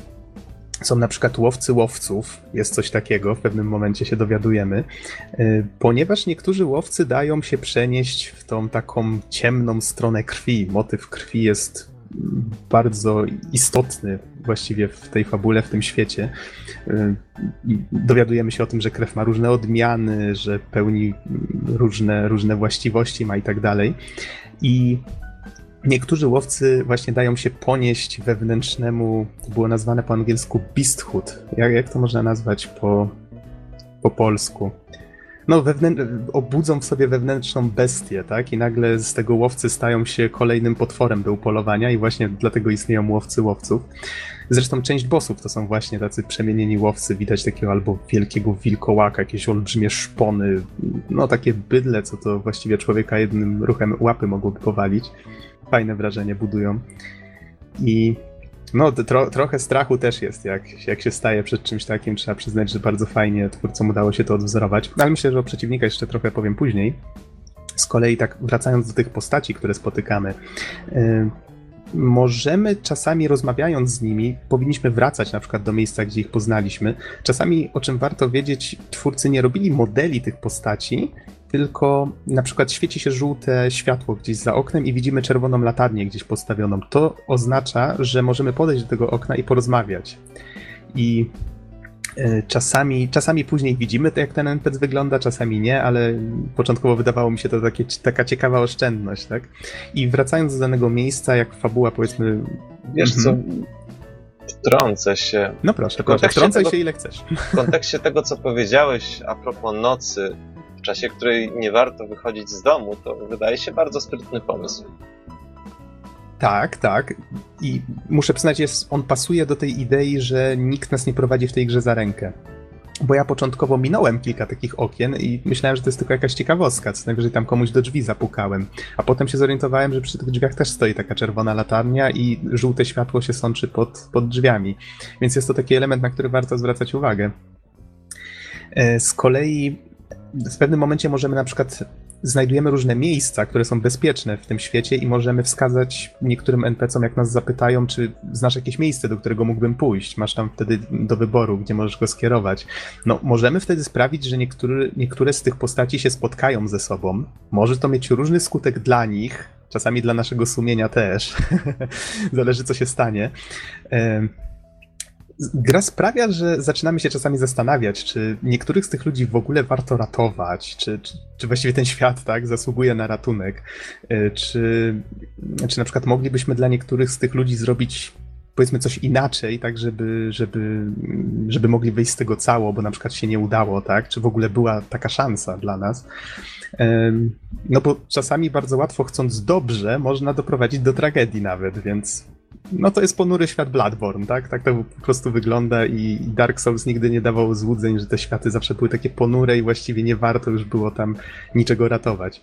Tutaj... A myślisz, że skąd ten piękny bruk na ulicach? Co ja tutaj sobie jeszcze a propos fabuły zanotowałem, bo tak jak mówię, nie ma co tutaj za dużo o fabule mówić, warto samemu ją odkrywać, ale pojawiają się tutaj jeszcze, mam wrażenie, nie, nie znam mitologii Kafulu, ale mam wrażenie, że są tu jakieś inspiracje e, twórczością Lovecrafta. Mamy tu na przykład, pojawia się motyw niezbadanego kosmosu, który wisi nad nami i, i dzieci tego kosmosu, tak? No, różne tego typu kwestie się pojawiają, więc mam wrażenie, że to właśnie takie inspiracje Lovecrafta też, też tutaj są. Na pewno nie jeden tekst w necie można by znaleźć na ten temat, jakby ktoś był zainteresowany. E, wspominałem już o tym, że spotykamy różne organizacje, są przymierza też, tak jak w poprzednich częściach, ale mam wrażenie, że jest ich dużo, dużo mniej. E, właściwie nie byłem pewien, czy w ogóle spotkałem jakiekolwiek przymierze, e, grając. Chyba jedno spotkałem tylko, ale potem czytając okazało się, że to działa troszeczkę inaczej. Nie chcę tutaj tego tłumaczyć. Niemniej przygotujcie się na to, że jest ich chyba dużo, dużo mniej niż było do tej pory. No. Ale to jeszcze do takich cięć, które twórcy zastosowali, jeszcze przejdziemy, bo to w sumie jest ciekawy temat. No, fabułę można podsumować tak, że ogólnie ma mistrzowski klimat, jest ponuro, klimat jest w ogóle gęsty jak smoła. To się akurat świetnie udało i, i to jest chyba taka najmroczniejsza gra z całej serii. Przechodząc dalej. Troszeczkę o, o lokacjach. Podoba mi się to, że, że, że w końcu wrócono tu do tego, co mi się tak bardzo podobało w Dark Souls pierwszym w dwójce mam wrażenie, że kiedyś na podcaście, choć nie recenzowałem, to wspominałem, że stworzono tak jakby centralną wioskę nad morzem, z której odchodziły kolejne dróżki i my tymi dróżkami mogliśmy gdzieś tam podążać i każda z tych dróżek szła sobie w jakąś inną stronę i rozwijała się w taką własną lokację. To mi się mniej podobało niż to, co zrobiono w pierwszym Dark Souls. Bo w pierwszym Dark Souls mieliśmy jeden wielki labirynt korytarzy, różnych zróżnicowanych miejsc, i to wszystko się tak ciekawie łączyło w taką w takie miasto na klifie. Nie wiem za bardzo, jak to, jak to opisać. Było to, było to ciekawe, chciało się to eksplorować i to było fajne. I tutaj powrócono do czegoś takiego. Mamy znowu labirynt korytarzy. Widać elementy układanki tego, tego labiryntu gdzieś w oddali, tak nazwijmy to syndromem wysokiej wieży, tak? Czyli rozglądam się dookoła i hmm, tam gdzieś daleko widzę wieże, kilka wież różnych, ale jedna się tak wyróżnia, to być może tam kiedyś będę, co nie? A, a patrzę gdzieś na dół, o tutaj przepaść, tam pewnie nigdy, nigdy się nie zjawię, co nie? A potem się okazuje, że na przykład w tej przepaści też jesteśmy i potem jak już obserwujemy to samo miejsce z tego miejsca, co, co wcześniej patrzyliśmy, to nagle się okazuje, że rozpoznajemy miejsca, które odwiedziliśmy, że to wszystko miało jakieś znaczenie, tam jakiś most, jakaś wieża, jakieś podziemia, gdzieś tam widać fragment. Czyli powróciło, powróciły te wrażenia z pierwszego Dark Souls. Ten, ten level design jednak miał coś w sobie i tutaj udało się to odwzorować. Nigdy nie wiadomo, gdzie gra nas zaprowadzi dzięki temu, więc ta radość z eksploracji jest większa. Nigdy też nie wiadomo, y, która droga jest poprawna. Więc bardzo często się zdarza, że idziemy gdzieś, zwiedzamy dużą lokację, pokonujemy bossa i nagle się okazuje, że dostajemy jakiś tam przedmiot, który nam coś umożliwia, ale to jest ślepy zaułek i dalej nie możemy iść. Musimy się wracać, bo się okazuje, że to nie była właściwa droga. To się zdarza w tej grze i to jest o tyle fajne, że nigdy nie wiadomo, która droga jest prawidłowa. Mnie się to bardzo podoba, sprawia, że, e, że nie, nigdy nie jesteśmy pewni tego, z czym gra nas zaraz poczęstuje, tak? No a z drugiej strony łatwo się zgubić. Nie trudno mi sobie wyobrazić sytuacji, w której ktoś na przykład nie ma pojęcia, gdzie w tej chwili iść, bo na przykład się okazuje, że musisz tam wrócić kilka lokacji wcześniej skręcić w jakiś zaułek, który być może nawet pominął i że wcześniej musiał pokonać tam któregoś bossa, żeby znać hasło do drzwi, które tam, które tam są, tak? Zdarzają się tutaj takie rzeczy. Ale to też, też ma swój urok.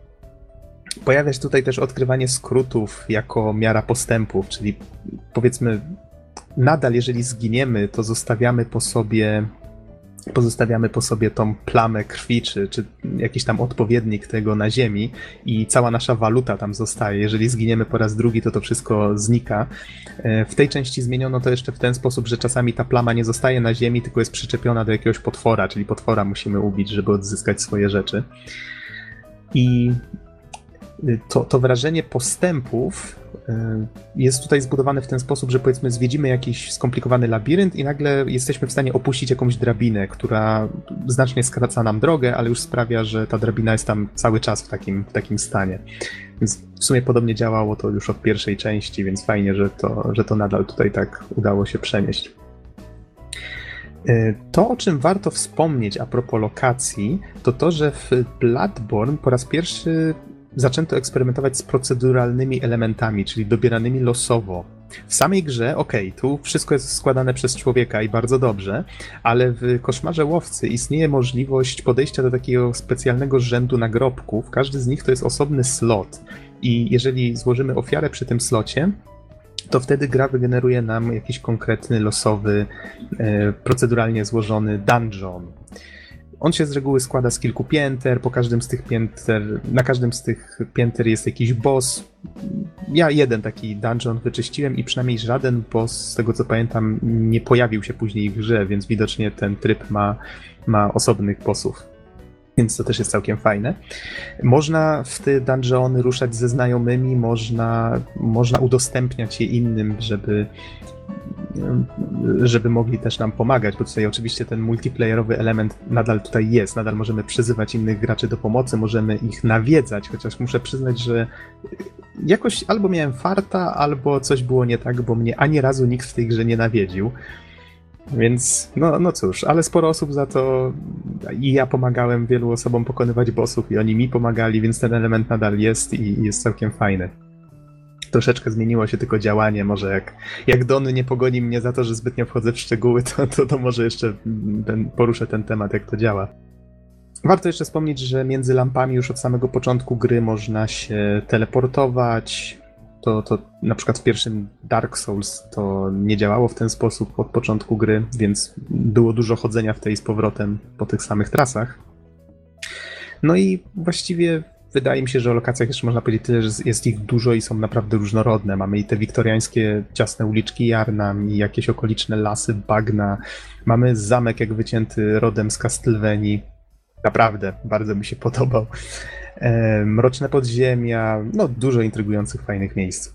Ogólnie, jeżeli ktoś lubi Castlevania, to myślę, że Bloodborne bardzo mu się spodoba. Klimaty są bardzo podobne. Odniosłem wrażenie, że to jest taki, taki Simon's Quest, czyli jeszcze ta część z NESa zrobiona właśnie tak, jakby ją dzisiaj można było zrobić. Otwarty świat, mnóstwo różnego patałajstwa do wybijania, takiego z horroru wycięte.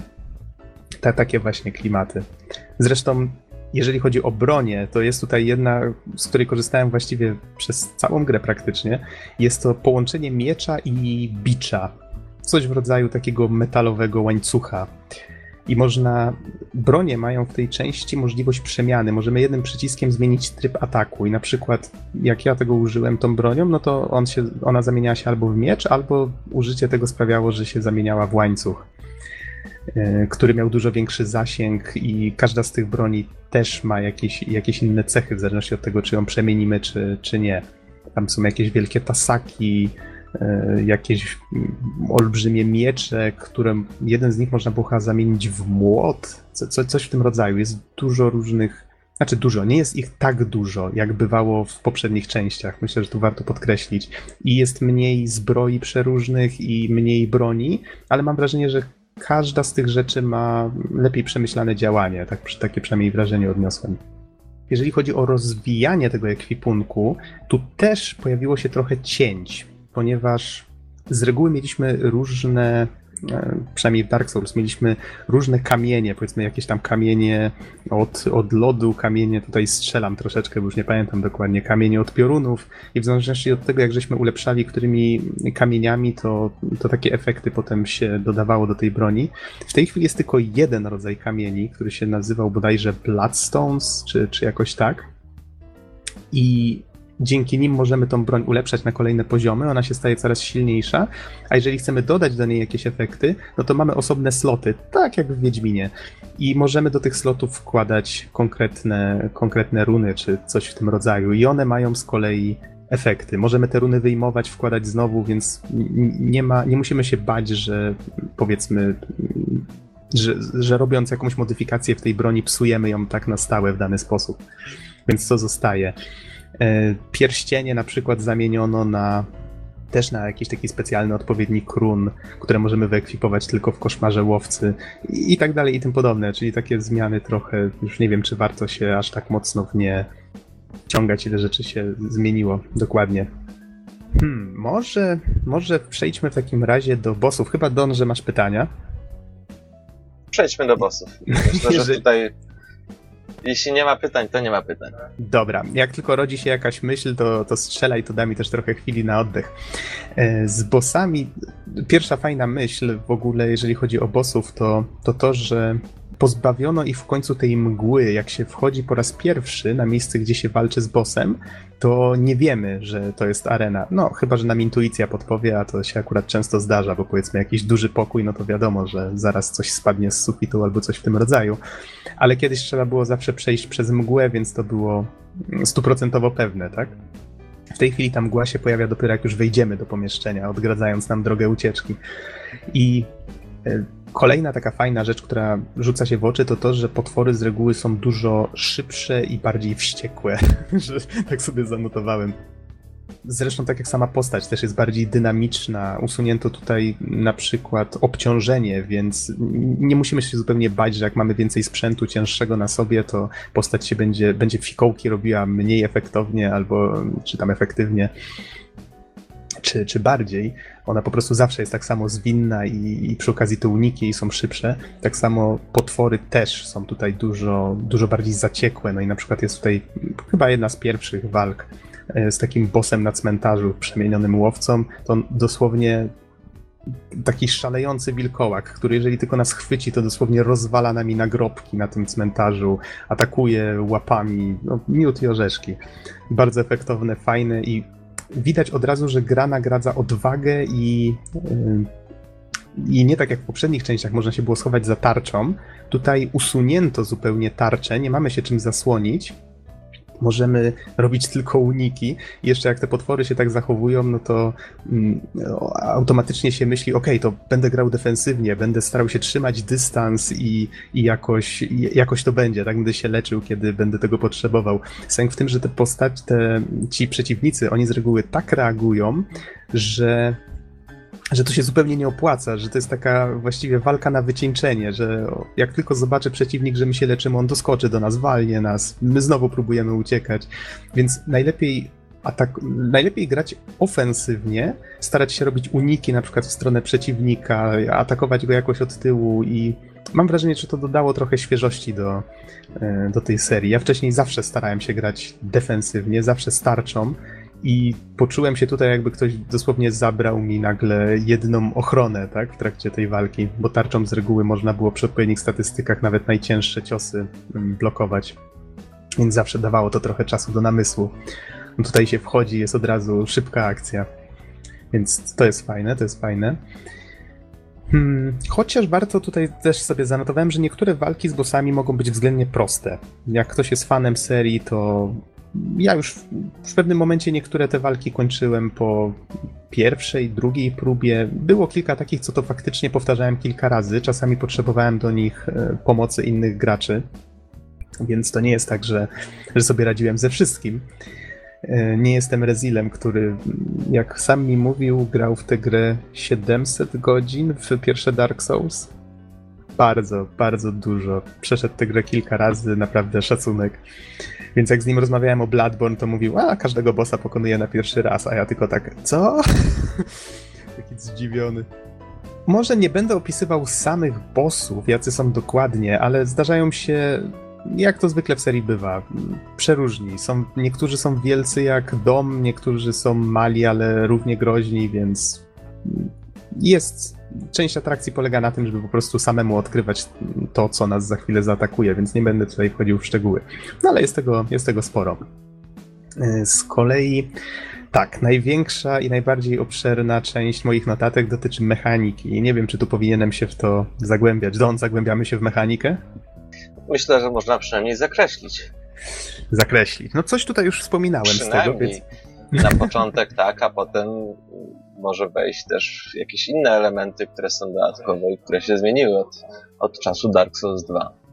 Mhm. No tutaj sobie troszeczkę zanotowałem rzeczy, które się zmieniły. Postaram się chociaż część wymienić. O ekwipunku już trochę mówiłem. Wspominałem o tym, że postać jest szybsza.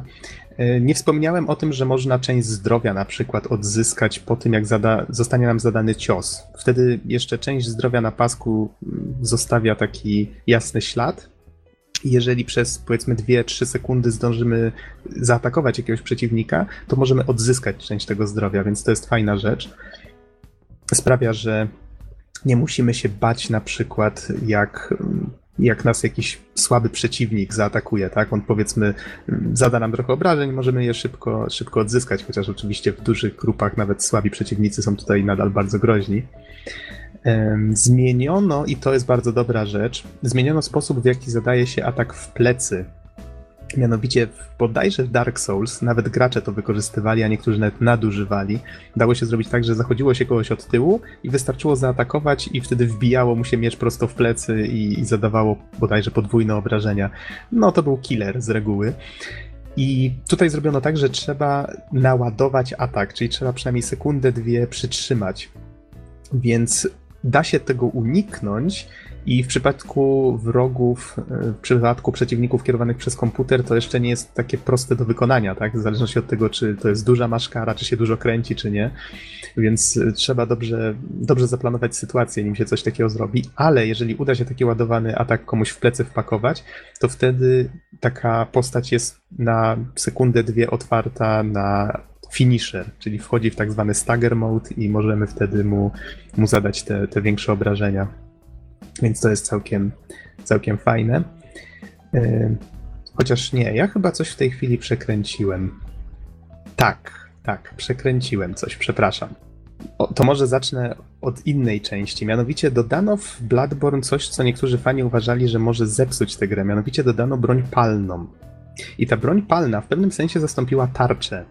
I ta tarcza wcześniej pozwalała na parowanie ciosów. Mogliśmy odepchnąć tarczą czyjś atak i wtedy e, wtedy on wchodził właśnie, w, był odsłonięty przez pewien czas. Mogliśmy zadać mu e, większe obrażenia. Z kolei tutaj możemy broń palną odpalić w odpowiednim momencie, co jest bardzo ryzykowne, bo nie mamy czym zasłonić ciosu.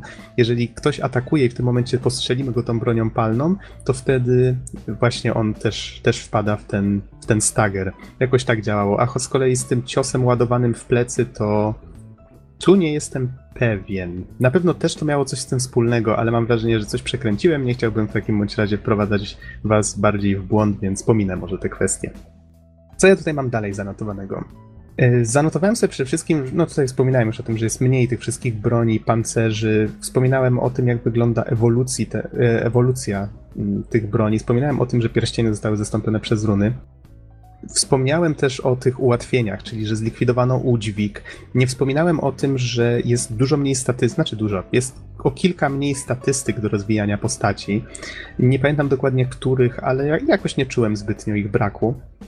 Więc mam wrażenie, że ogólnie to zubożanie, czyli że jest mniej, mniej niektórych rzeczy, jakoś tak nie, nie zubożyło tej gry zbytnio. Mam wrażenie, że to bardziej sprawiło, że gra się po prostu przyjemniej, tak? Nie zwracałem uwagi na to, czy mam na sobie za ciężką zbroję, żeby się powiedzmy przeczołgiwać szybciej, tylko po prostu zakładałem co chciałem i wybór nie był może zbyt duży, ale właściwie przechodziłem całą grę w jednych ciuchach. ale to to już jak ktoś lubi właśnie dużą liczbę przedmiotów, to tu może się poczuć troszeczkę zawiedzony. No nie jest ich aż tak dużo znowu. Wspomniałem o broni palnej, o tym, że jest zastępstwem dla tarczy. Warto tutaj przy okazji dodać, jakby ktoś jeszcze miał wątpliwości, y, że twórcy starali się tak zrobić, żeby, żeby ta broń palna ona nie sprawiła, że ta gra będzie za prosta ani ani że to jakoś tak powiedzmy zepsuje tą mechanikę. I muszę przyznać, że nawet ją trochę naprawili, bo pozbawili nas łuku tak jak w łuku mogliśmy mieć zawsze powiedzmy kilkaset pocisków, mogliśmy celować z tego łuku w dowolne miejsce. Ja bardzo często robiłem tak, że stawałem w jakimś miejscu, gdzie boss na przykład nie mógł mnie dostać, a następnie pakowałem mu powiedzmy 200 albo 300 strzał prosto w twarz, czekając aż on padnie. Tak tu nie da się czegoś takiego zrobić. Po pierwsze ta broń ma strasznie mały zasięg, wręcz śmieszny, powiedzmy 3 metry od postaci i pocisk się rozpływa. E, po drugie, możemy mieć bardzo ograniczoną liczbę naboi przy sobie co sprawia, że jeżeli ktoś chce na przykład parować za pomocą tej broni, czyli w przeciwnika w ten stagger wpuszczać, no to jest, wymaga to niemałego skilla, trzeba przyznać. E, no i ta siła zadawanych obrażeń też jest tutaj mocno, mocno stonowana, więc tak, to, to zostało dobrze zrobione. No i o samym multi, skoro już o tym mówimy, to, to myślę, że można dodać, że e, wspomniałem o tym, że nikt mnie nie nawiedzał w trakcie gry to może powiem od razu, jak to tutaj działa. Dzisiaj troszeczkę poczytałem i i trochę lepiej zrozumiałem ten mechanizm. Mianowicie czasami pojawiała mi się informacja, że na mapie pojawia się kobieta z dzwonkiem. I faktycznie czasami dało się znaleźć tę kobietę i ją wtedy pokonać, i pojawiała się wtedy informacja, że kobieta z dzwonkiem została pokonana.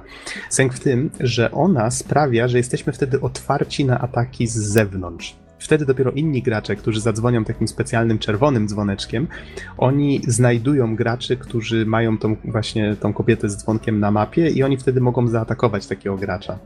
Jeżeli yy, nie chcę tutaj tego przekręcić, ale mam wrażenie, że mm, w wytłumaczeniu, które, które dzisiaj czytałem, z tego wynikało, że jeżeli gracze jeden na jeden taką walkę rozpoczną, to wtedy host, czyli gospodarz tej, tej gry, on zostanie poinformowany, że został zaatakowany, tak, i mogą zacząć e, player versus player, PvP. Z kolei, jeżeli mamy na przykład przyzwaną grupę, grupę osób do pomocy, to wtedy atakujący nie zostawia takiej informacji. Czyli ci, ci atakujący nie wiedzą, że ktoś ich właśnie nawiedza i mogą zostać zaatakowani z nienacka. No jest tu kilka takich ciekawych pomysłów. I ta kobieta z dzwonkiem, ona się na przykład pojawia w momencie, jak przyzwiemy kogoś do pomocy, czyli automatycznie wtedy jesteśmy otwarci na atak. Jeżeli gramy bez przyzywania kogokolwiek do pomocy, czyli w pewnym sensie tak jakbyśmy chcieli omijać pewne mechanizmy online, to wtedy automatycznie nikt nie może nas też zaatakować. No chyba, że w niektórych takich specjalnych przypadkach, tak, bo takie też się zdarzają. No jest to troszeczkę złożone, ale troszeczkę to zmieniono względem tego, co było do tej pory w serii. W sumie fajnie, że starają się tak z części na część jakieś tam drobne zmiany w to wprowadzać, no ale tak jak mówię, dziwne było to, że mnie właściwie w trakcie gry nikt nie nawiedził trochę byłem rozczarowany tym i nie wiem zbytnio z czego to wynika. Może mój net, a może, a może po prostu farta nie miałem. Hmm, nie wiem. Dziwna sprawa. Chociaż warto jeszcze w multi jedną rzecz ostatnią dodać, że dodano hasło, które możemy sobie wpisać hasło w opcjach, po którym potem możemy łączyć się w grupy. Czyli jeżeli kilka osób wpisze to samo hasło, to wtedy jesteśmy losowani tylko spośród osób z danym hasłem. Czyli możemy w ten sposób grać ze znajomymi. Nie przypominam sobie, żeby coś takiego było w poprzednich częściach, więc warto to nadmienić. Okej, okay, to przechodząc już myślę ku końcowi, e, bo chyba powoli zaczynam przynudzać zbytnio zbyt szczegółowymi rzeczami, jakby co Don Krzycz. E, przejdźmy może do oprawy. Jeżeli chodzi o samą grafikę, no jest to pierwsza część serii, która została wydana na, na obecną generację, czyli no, można się było spodziewać, że grafika będzie dużo lepsza i faktycznie jest, wygląda bardzo fajnie i klimatycznie. Nawet udano się e, twórcom zrobić taki fajny efekt, że postać im, im więcej potworów pokonujemy bez odwiedzania bez odwiedzania koszmaru łowcy, tym postać się robi bardziej brudna od krwi. Właściwie w pewnym momencie wygląda tak, jakby się cała lepiła od tej krwi. E, otoczenie z tym nowym renderingiem opartym na fizyce też wygląda bardzo fajnie i przekonująco. Mamy na przykład jakieś tam kamienne posadzki, kałuże na błocie, czy dywany, marmury. To wszystko wygląda faktycznie tak, jak wyglądać powinno. I no, w tej chwili wiele gier właśnie korzysta z tego, z tego typu renderingu i to faktycznie się sprawdza. To, to myślę jest najfajniejsza rzecz, która, którą wprowadziła ta, ta generacja, jeżeli chodzi o rendering i grafikę. Z kolei mam wrażenie, że twórcy znowu From Software tak coś ma, że oni, jeżeli chodzi o efekty graficzne, to Zdarza im się przegiąć z niektórymi. Widać to było powiedzmy w Dark Souls pierwszym, gdzie powiedzmy gdzieś w podziemiach, gdzie była lawa, ta lawa powodowała taki blask, taki bloom to się nazywa, że czasami nie było widać gdzie się idzie. Tak tutaj na przykład jeden taki efekt znalazłem, mianowicie chodzi o odbicia, e, a konkretniej spekular, czy właściwie takie, takie odbicie jakby na drewnianej posadce wypolerowanej się odbijał księżyc albo, albo powiedzmy jakieś światło, tak? Taka smuga biała. Sęk w tym, że być może zrobiono to specjalnie, ale ten, to odbicie, ono się pojawia nawet jak jesteśmy w bardzo czarnym, ciemnym pomieszczeniu.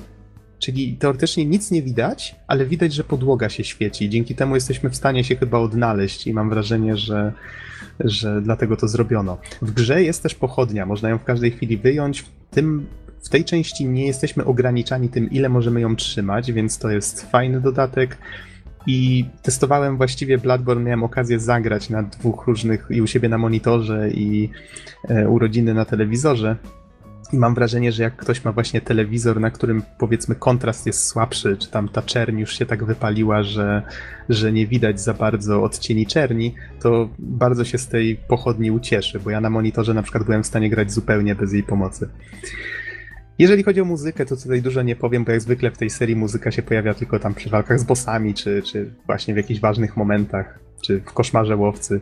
Ale z reguły jest to taka mroczna, trochę dobijająca, czasem no są chóry, czasem jest taka, brakuje mi dobrego słowa, horrorowata to, to, to złe określenie zdecydowanie ale stara się oddać sytuację w, w przypadku walk z bossami, zdecydowanie. Najbardziej zapada w pamięć, jak zwykle, właśnie ten motyw bezpiecznej przystani, czyli w tym przypadku tego koszmaru łowcy.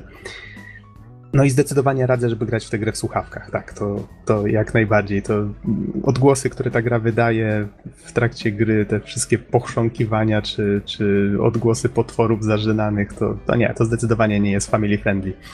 No, to taka rada ode mnie. No i cóż, zanotowałem sobie tutaj jeszcze trochę jakichś tam minusów, błędów.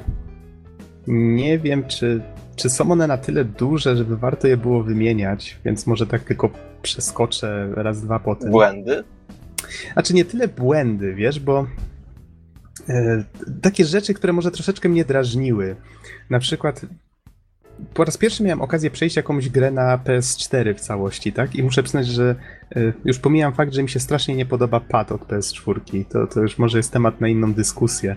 Ale dziwiło mnie, że w grze trzeba bardzo mocno przeciągnąć gałkę w danym kierunku, żeby w ogóle biec. Ja na PS3 byłem przyzwyczajony do tego, że lekko ją przechyliłem i okej, okay, no i, i, po prostu ta postać szła, potem biegła i to, to przejście było jakieś takie płynne. W tym przypadku musiałem się przyzwyczaić do tego, że muszę właściwie popchnąć tą gałkę do oporu, żeby postać e, ruszyła zadek i zaczęła biec. No, w pewnym momencie się do tego przyzwyczaiłem. Nie wiem, troszeczkę, troszeczkę mnie to dziwiło, że tak zrobiono. E, z kolei... Mm, dużo znowu zauważyłem takich mniejszych lub większych błędów w level arcie. Ja wiem, że w większości grach, gier się takie rzeczy pojawiają. Sęk w tym, że tutaj, jak się tak, jak gra polega na tym, że się zwiedza każdy dosłownie zakątek i się go obserwuje, powiedzmy, ileś tam razy się przechodzi przez dane miejsce i, i patrzy, czy się czegoś nie pominęło, to dużo łatwiej jest zobaczyć takie rzeczy, że tam gdzieś czegoś brakuje, bo ktoś nie wstawił modelu, albo tutaj dwa modele się nie stykają ze sobą zbyt dobrze, albo takie nieścisłości, które w sumie są dość powszechne, choć według mnie nie powinny być. Czyli, że na przykład w jednej lokacji księżyc jest w innym miejscu, przechodzisz do innej części miasta i już księżyc jest po drugiej stronie nieba. Ach, ten księżyc, co nie? No, zawsze w danym miejscu jest tam, gdzie twórcy chcieli, sęk w tym, że to nie jest, mm, nie jest takie samo, nie, nie jest to samo miejsce w każdym, w każdej lokacji. No to jest taka nieścisłość, hmm, która niektórych może drażnić, niektórzy zupełnie to oleją, więc nie może takie zboczenie zawodowe u mnie. E, ale i tak jest z tym dużo lepiej niż w Dark Souls 2, tak? Tam twórcy po prostu tak polecieli z tą jakością level artu czasami, że nie wiedziałem się, czy śmiać, czy płakać. Zwłaszcza czy wiesz co, muszę powiedzieć, że większość z rzeczy, które wymieniłeś, to w skali czterostopniowej, jaką się stosuje w pisaniu błędów, czyli A, blokery, zawieszania się gry na przykład, inne tego typu rzeczy, B, rzeczy ważne dotyczące na przykład, nie wiem, fabuły, questów i tak, i E, przez rzeczy e, typu C, czyli pomniejsze jakieś błędy i D wreszcie, trywialne sprawy, no to większość z rzeczy, które wymieniłeś to C lub D, natomiast e, generalnie błędów D się nie zgłasza. Mhm. Ja zdaję sobie sprawę, że to. Tak, zdaję sobie z tego sprawę spokojnie. z innej strony trochę pody, oświetliłem sprawę. Natomiast. fachowo, to prawda. No, może nie, fachowo, nie, nie, za bardzo fachowo, nie przesadzajmy z tym, ale, ale faktycznie w projektowaniu gry i samym tworzeniu jej zresztą jak, jak dobrze wiemy, też pewnie zresztą dobrze wiesz, y, znaczne inne rzeczy są y, zdecydowanie bardziej ważne i to na nie, na nie się poświęca więcej czasu. Natomiast, y, natomiast muszę powiedzieć, że oglądam tutaj gameplay, to już tradycyjnie, bo przeważnie tak robię, żeby mieć nieco większe pojęcie na temat tego, co jest recenzowane, jeśli oczywiście danej produkcji nie znam. I muszę powiedzieć, że, że tutaj całkiem trafnie opisałeś ten nastrój. Jest na, naprawdę bardzo ponuro, mrocznie. Są te, te takie uliczki które są odludnione, pełne błota, oświetlone tylko jakimś takim niewielkim światłem latarni. No, wygląda to naprawdę interesująco. A jako, że mówisz, według tego co mówisz, noc tylko się, e, tylko się jeszcze bardziej powiększa, jakby jeszcze bardziej intensywna się staje, no to faktycznie, faktycznie na pierwszy rzut oka nastrój naprawdę jest całkiem interesujący. Gęsty jak smoła, no. Y, z kolei, no tutaj zdarzają się jeszcze te zabawne ragdole, tak, z poprzednich części, czyli potwór, który teoretycznie jest wielkim, wielką stertą mięśni i futra, nagle pada na ziemię i możemy go kopać jak szmacianą laleczkę. Więc tak, takie rzeczy też się tutaj zdarzają, tak jak zresztą w całej serii. Ale żadnych poważniejszych rzeczy nie zauważyłem, więc tak, to jest trochę czepianie się na siłę. Gdybym miał o samej, o samej fabule, czy może właściwie o o finale gry jeszcze tak delikatnie powiedzieć. Tu nie chodzi mi o fabułę, tylko bardziej o to, że e, podobało mi się to, jak w Dark Souls pierwszym, jak się zbliżało do tej ostatniej lokacji, to czułem, że tak, to jest już koniec, to jest to, to jest to miejsce, w którym się stoczy ostatnią walkę i ja wiem, że to jest ważne. Z kolei tutaj coś poszło chyba nie tak twórcom, bo było tyle fajnych miejsc w tej grze, Naprawdę, że w pewnym momencie, chociażby ten zamek, który wymieniłem, że w pewnym momencie ja nie wiedziałem, czy ja tę grę kończę, czy nie. Pokonałem ostatniego bossa i tak sobie myślałem przez chwilę, hmm, to jest chyba ostatni boss, ale czy na pewno? I tak, hmm, no nie jestem pewien. I się okazało, że tak, owszem, był ostatni boss, ale wydaje mi się, że trochę słabo to podkreślono, że finał gry powinien być takim, takim solidnym uderzeniem obuchem przez łeb, prawda? Że ty masz wrażenie, że tak, tu się już zbliża finał, bo to dobre tempo wtedy oznacza, że powiedzmy, że ten kontrast tej ostatniej lokacji z pozostałymi lokacjami jest na tyle duży, że ty czujesz tą wyjątkowość. Mam wrażenie, że tutaj ze względu na to, że wszystkie te lokacje, a przynajmniej większość z nich była mm, tak fajna, nietypowa, to no, przynajmniej myślę, że przynajmniej jedną lub dwie inne mógłbym typować jako dobrego kandydata na zakończenie gry, więc nagle tutaj troszeczkę się to rozmyło. Mam wrażenie, że to zakończenie, ten, ten finał przynajmniej nie był tak efektowny, jak mógł być. Ale to też, tak jak mówię, takie czepianie się na, na siłę właściwie. No i skoro już o zakończeniu mówimy, Myślę, że to może być przydatna wiedza dla niektórych. W Dark Souls 2 wprowadzono coś takiego, że jak grę skończyliśmy, to nadal mogliśmy kontynuować ją na tym samym save'ie. Mogliśmy zwiedzać ten sam świat i znajdować to, czego jeszcze żeśmy nie znaleźli. I dopiero kiedy żeśmy wybrali z gry, z menu gry Reset, to dopiero wtedy zaczynaliśmy New Game Plus. Tymczasem w Bloodborne działa to tak, jak działało zawsze. Czyli jeżeli tylko zobaczymy zakończenie gry, gra od razu się resetuje do New Game Plus.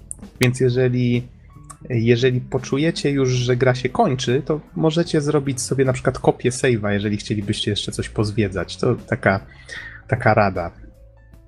Bo oczywiście kopię, tak jak zwykle, można robić z poziomu menu. A, no jeszcze warto przypomnieć, że na PS4, żeby grać przez neta, trzeba wykupić dostęp do PlayStation e, Plus.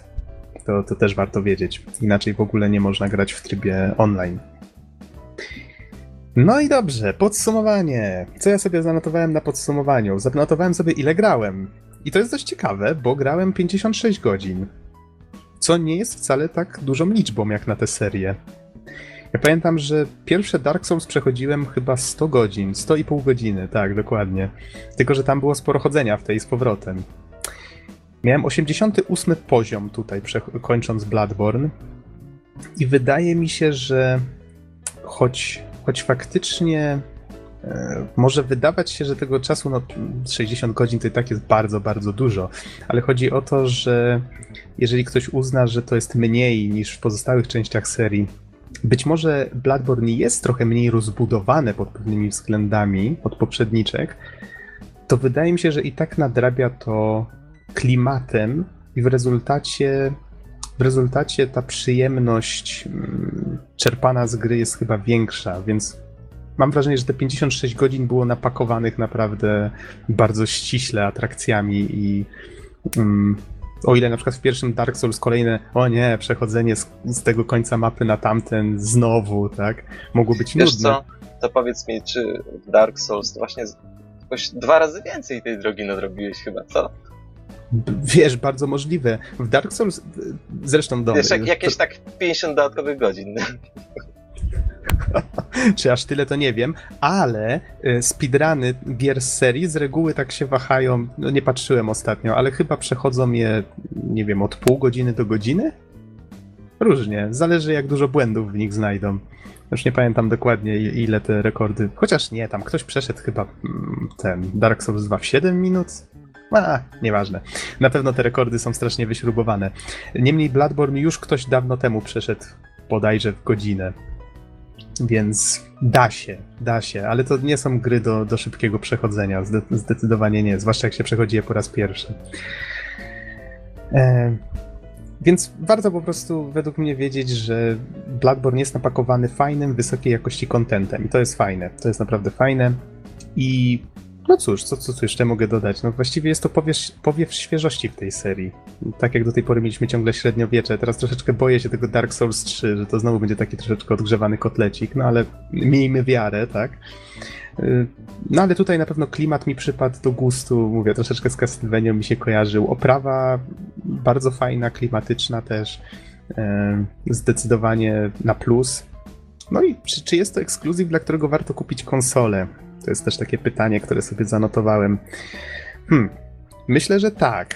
Jeżeli ktoś faktycznie ma na to pieniądze, to wydaje mi się, że warto i faktycznie lubi serię. Jak nie lubi serii, no to jest to duże ryzyko, bo to jest zdecydowanie specyficzna, e, specyficzna seria gier. Wtedy warto zagrać sobie w Dark Souls na PC na przykład i zobaczyć, jak, e, jak to komuś pasuje. Myślę, że pierwsza część Dark Souls nadal jest dobrym wyznacznikiem jakości w tej serii. Dwójeczka już no, też jest fajna. Może jest nawet trochę bardziej przystępna dla początkujących niż jedynka. A, długo można by o tym dyskutować. W sumie porównując te gry ze sobą. Niemniej polecam. Ja polecam. Okej, okay. chyba się rozgadałem aż nadto. Don, rozumiem, że nie masz pytań. No, myślę, że to mówi sama za siebie. Jeśli nie miałem pytań, no to faktycznie chyba, chyba nie mam ale, ale wydaje mi się, że tradycyjnie już wyczerpałeś temat. I siebie. I, też myśl, myślę, że całkiem trafnie opisałeś grę, zwłaszcza, że znam też twoje inne recenzje, chociaż samych gier jeszcze nie. A myślę sobie, czy, czy kiedyś się za nie nie wziąć, ale z kolei półka wstydu nie woła dosyć rozpaczliwie, więc, więc wszystko, wszystko to trzeba powoli, powoli poukładać. Zobaczymy, jak to będzie. Mhm. Okej, okay. mam teraz wrażenie, że nie wspomniałem o tylu rzeczach.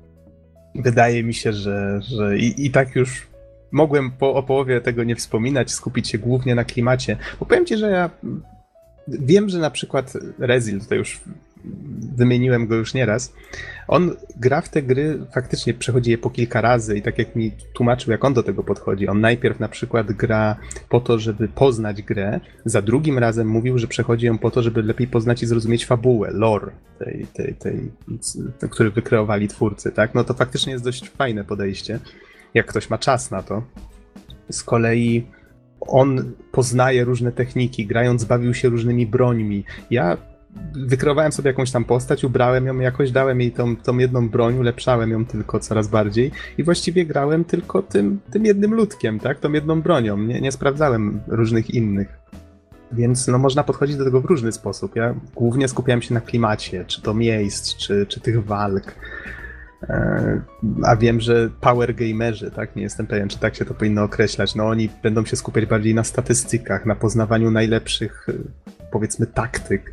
No myślę, że każdy znajdzie coś dla siebie, jeżeli tylko stwierdzi, że, że faktycznie nie odpycha go mm, koncept takiej gry. No, to, to, to też może taka, mm, takie do, do przemyśleń. Może to komuś da do, do myślenia. Okej, okay, to kończąc już recenzję, powiedz Don, czy mamy jakieś plany na przyszłość, o których możemy wspomnieć? Może za chłopaków powiemy, bo e, Easy z surferem mają trochę, trochę planów. Wiemy przynajmniej o, o recenzjach. Tutaj Easy wspominał, że jakąś bijatykę chce recenzować. Nie pamiętam dokładnie, jaką miał na myśli. Surfer prawdopodobnie, który niedawno zaopatrzył się w 3DS-a, e, przeszedł Bravely Default. Więc bardzo możliwe, że właśnie tą grę będzie będzie niedługo recenzował. A ty masz coś w planach? Ja myślę, że jesteś w stanie odpowiedzieć na to pytanie. Czyżby to był Wiedźmin? Nie. Nie, wcale. Niemożliwe. Kiedy przejdziesz L.A. Noir? No właśnie tak myślę, że, że kiedy skończę już z Wiedźminem albo on skończy ze mną, to zależy od tego, jak wyjdzie. E, to Mhm. wtedy wezmę się za, za parę innych rzeczy, które mam napoczęte w stanie, w stanie zrobione na przykład do połowy, do trzech czwartych i tak dalej. Jest kilka takich tytułów, jest też e, jeden czy dwa, które można by właściwie przejść w trzy godziny. Takie pomniejsze indyki, więc, więc myślę, że coś się znajdzie. Kiedy się na to czas znajdzie, zobaczymy. Wiedźmin Póki wykańcza. co. Póki co chcę, chcę dopiąć Wiedźmina. Jest to dosyć istotna produkcja, choćby ze względu na jej wielkość, choćby ze względu na to, ile szumu narobiła. No ale też nawet w kontekście badań gier warto byłoby znać tę produkcję dosyć dobrze. Mhm. Wiedźmin nas wykańcza, jeżeli chodzi o recenzję. Starając się go ukończyć, nie możemy kończyć krótszych gier, więc automatycznie, no jakoś z tymi recenzjami u nas ostatnio krucho. Ja tutaj Bloodborne zacząłem dawno temu, chyba skończyłem miesiąc temu, no ale to było przy okazji E3. No, m- musimy jakoś wrócić do tego, do krótszych gier, tak? Już chyba do końca roku nie tkniemy nic długiego. Czy się mylę? Co jeszcze się może? Hmm. Metal Gear Solid 5 we wrześniu. Hmm. No, w twoim przypadku jeszcze Dying Light jest do, do przerobienia. A no tak, z kiełbasy na kaszankę.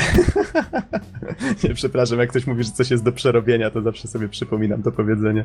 A raczej z kaszanki na zgniłe mięso. Zombie. Okej, zaczynamy nawijać już trzy po trzy. Czas kończyć. Dziękujemy wszystkim bardzo za uwagę i do usłyszenia w następnym odcinku. Trzymajcie się. Cześć!